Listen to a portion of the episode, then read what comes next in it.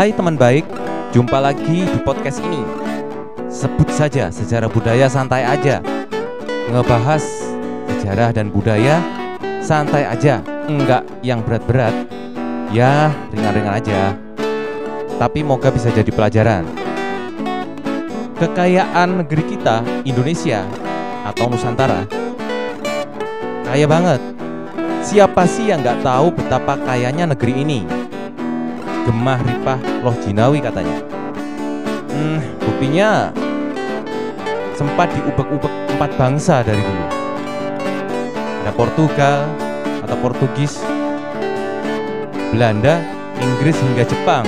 Bahkan sampai sekarang, ya ada juga yang ubek-ubek, tapi saya nggak mau nyebutkan di sini ya. Out of context. Hmm. Nah, apa aja sih? Ya sumber daya alam pastilah, ya kan? Semuanya pada tahu. Rempah-rempahnya. Kemudian apa lagi? Hmm, tambang. Iya. Apalagi? Um, warisan budaya? Oh, jangan khawatir. Banyak banget. Bahkan keris salah satunya yang jadi warisan budaya Nusantara nih udah diakui jadi warisan dunia sama UNESCO, ya kan? Tak terkecuali karya sastra, guys. Kaya dengan karya sastra, Nusantara punya beberapa atau bahkan sekian banyak karya yang macam-macam genre. Bahkan ada yang mengandung kontroversi. Hmm. Yang memancing ketertarikan saya nih ada sebuah serat atau tulisan yang memancing kontroversi sejak terbitan pertamanya hingga sekarang. Darmo Gandul namanya. Wah lucu ya namanya. Darmo Gandul apaan ya? Sebuah karya sastra yang ditulis pada abad 19-an. Hmm, ya, menceritakan masa-masa keruntuhan Majapahit hingga berdirinya Kerajaan Demak. Diawali dialog dua orang, yakni Darmo Gandul, si murid, yang bertanya kepada gurunya, Kiai Kalamwadi yang diidentifikasi oleh para ahli ya, sebagai penulis karya Darmo Gandul ini, yang mana penulisnya menyamarkan namanya. Nah, oh ya, saya di sini hanya sebagai masyarakat yang coba menggali, mau otak-atik ya temuan-temuan saya dari beberapa literatur yang saya temukan. Jadi di sini saya bukan sebagai sastrawan yang lagi review karya lo ya. Oke lanjut. Penulisnya yang anonim bikin para ahli, para peneliti jadi nebak-nebak nih guys. Jadi banyak sekali beberapa pendapat soal siapa sih penulis Darmo Gandul ini. Dari seorang kiai yang bernama Abdullah Tunggul Wulung, Raden Ronggo Warsito, itu yang menulis Jongko Joyoboyo, kemudian Serat Cengkini dan yang lainnya, hingga Raden Budi Sukerti. Bahkan masih ada dugaan-dugaan lain. Ini menurut tulisan Purwanto tahun 2018 dan juga Suwarno namanya, salah satu ahli juga yang menyatakan hal demikian. Mengapa sih bisa seperti itu? Ya, karena periode penulisan Darmo Gandul ini sejaman dengan um, apa ya namanya masa hidup mereka gitu ya, sekitar tahun 1820-an hingga awal 1900-an. Namun, peneliti asal Belanda yang namanya Van Akeren, guys, semoga aku nggak salah baca ya, itu tetap kekeh bahwa penulis anonim dari surat Darmo Gandul ini adalah orang yang sama yang menulis babat Kediri, yaitu Kiai Tunggul Wulung atau Kiai Abdullah Tunggul Wulung tadi yang saya sudah sebutkan di awal. Kenapa? Karena banyak corak-corak tulisan yang sama antara kedua karya itu dan penanggalan-penanggalan yang mengarah pada tokoh tersebut. Begitu menurut Van Akran.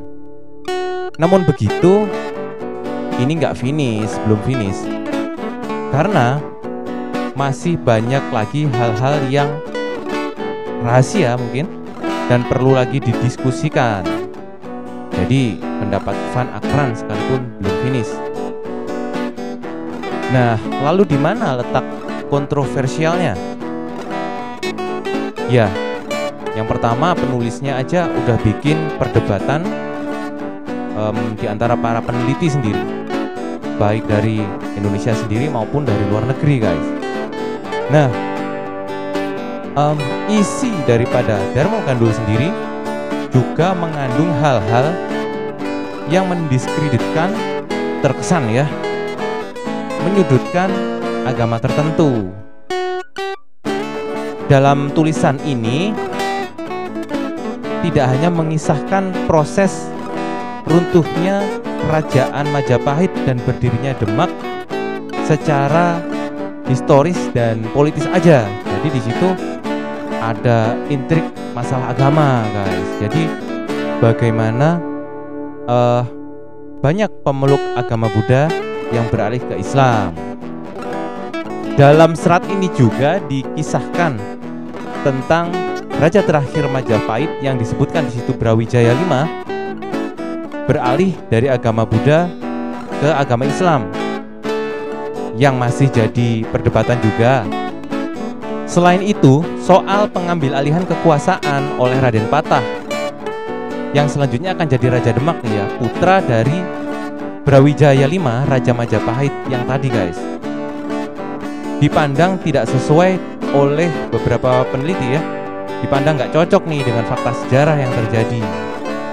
Hal lain lagi yang membuat Darmo Gandul nggak bisa jadi rujukan valid data-data sejarah guys, yaitu masa penulisannya yang jauh sekian ratus tahun ya kira-kira 500 tahunan gitu kan dari masa kisah-kisah yang dituliskannya itu terjadi. Aneh kan orang yang hidup tahun 1800-900an bisa nulis ya kejadian-kejadian 500 tahun sebelum dia ada tanpa rujukan yang jelas pula. Jadi Dharma Gandul ini dianggap nggak ilmiah guys karena tidak memenuhi kaidah-kaidah um, metode untuk penelitian sejarah gitu. Namun demikian beberapa bagian golongan masyarakat masih memegangnya sebagai suatu kebenaran yang bahkan diceritakan, dikisahkan gitu ya dari mulut ke mulut oleh tokoh-tokoh beberapa agama tertentu di Nusantara ini. Nah, ada yang pro, ada yang kontra gitu ya. Jadi kalau yang setuju dengan kisah ini dan cocok begitu bagi dia, bagi mereka, itu menganggapnya sebagai kebenaran dan ngotot bisa dijadikan rujukan, dibuat rujukan terus gitu. Sedangkan yang tidak setuju, yang menurut mereka tidak cocok, ini disalahkan. Jadi ini memang tidak patut. Gitu. Ini karya tidak benar. Seperti itu kira-kira guys. Tapi yang aneh itu ada golongan masyarakat ketiga. Nah, ada kisah yang menurut mereka di dalam tulisan itu pas gitu ya. Itu dibenarkan. Tapi yang enggak itu dianggap mereka oh itu tidak benar. Nah, lucu juga ini. Jadi gimana ya? Dualisme Darmo Gandul. Di sini dia. Dan Mogandul membuat dualisme pola pikir beberapa golongan masyarakat di Nusantara. Kalau dipahami secara harfiah dan ditelan mentah-mentah, Darmo Gandul memang isinya sarkas guys. Wajar lah bikin jengkel, bikin kesel beberapa pihak nih. Tapi kembali lagi ya, kalau ingin membaca dan memahami sebuah karya sastra, ya harus mendalam, nggak cuman kulit-kulitnya aja atau artinya yang secara harfiah yang terkesan vulgar itu tetapi pelajaran-pelajaran apa yang bisa didapat, hikmah apa yang bisa didapat dari karya sastra tersebut. Penasaran dengan isi Darmo Gandul? Silahkan berpetualang guys. Pastikan dapat edisi yang lama ya. Bagus kalau bisa dapat cetakan pertamanya. Atau paling tidak yang kedua.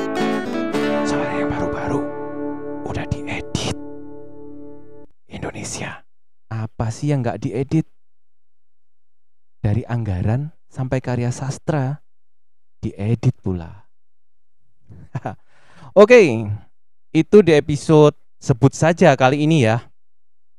Pastikan ikuti episode selanjutnya. Kalau ada saran untuk podcast sebut saja bisa DM langsung guys ke Dani Dwi. Aku tunggu di Instagram. Kalau ada saran, kritik atau usul topik bahasan yang ingin teman baik dengarkan di podcast ini. Wah, saya terima kasih banget nih. Oke, sampai jumpa di episode berikutnya ya. Dah. Salam Bineka Tunggal Ika.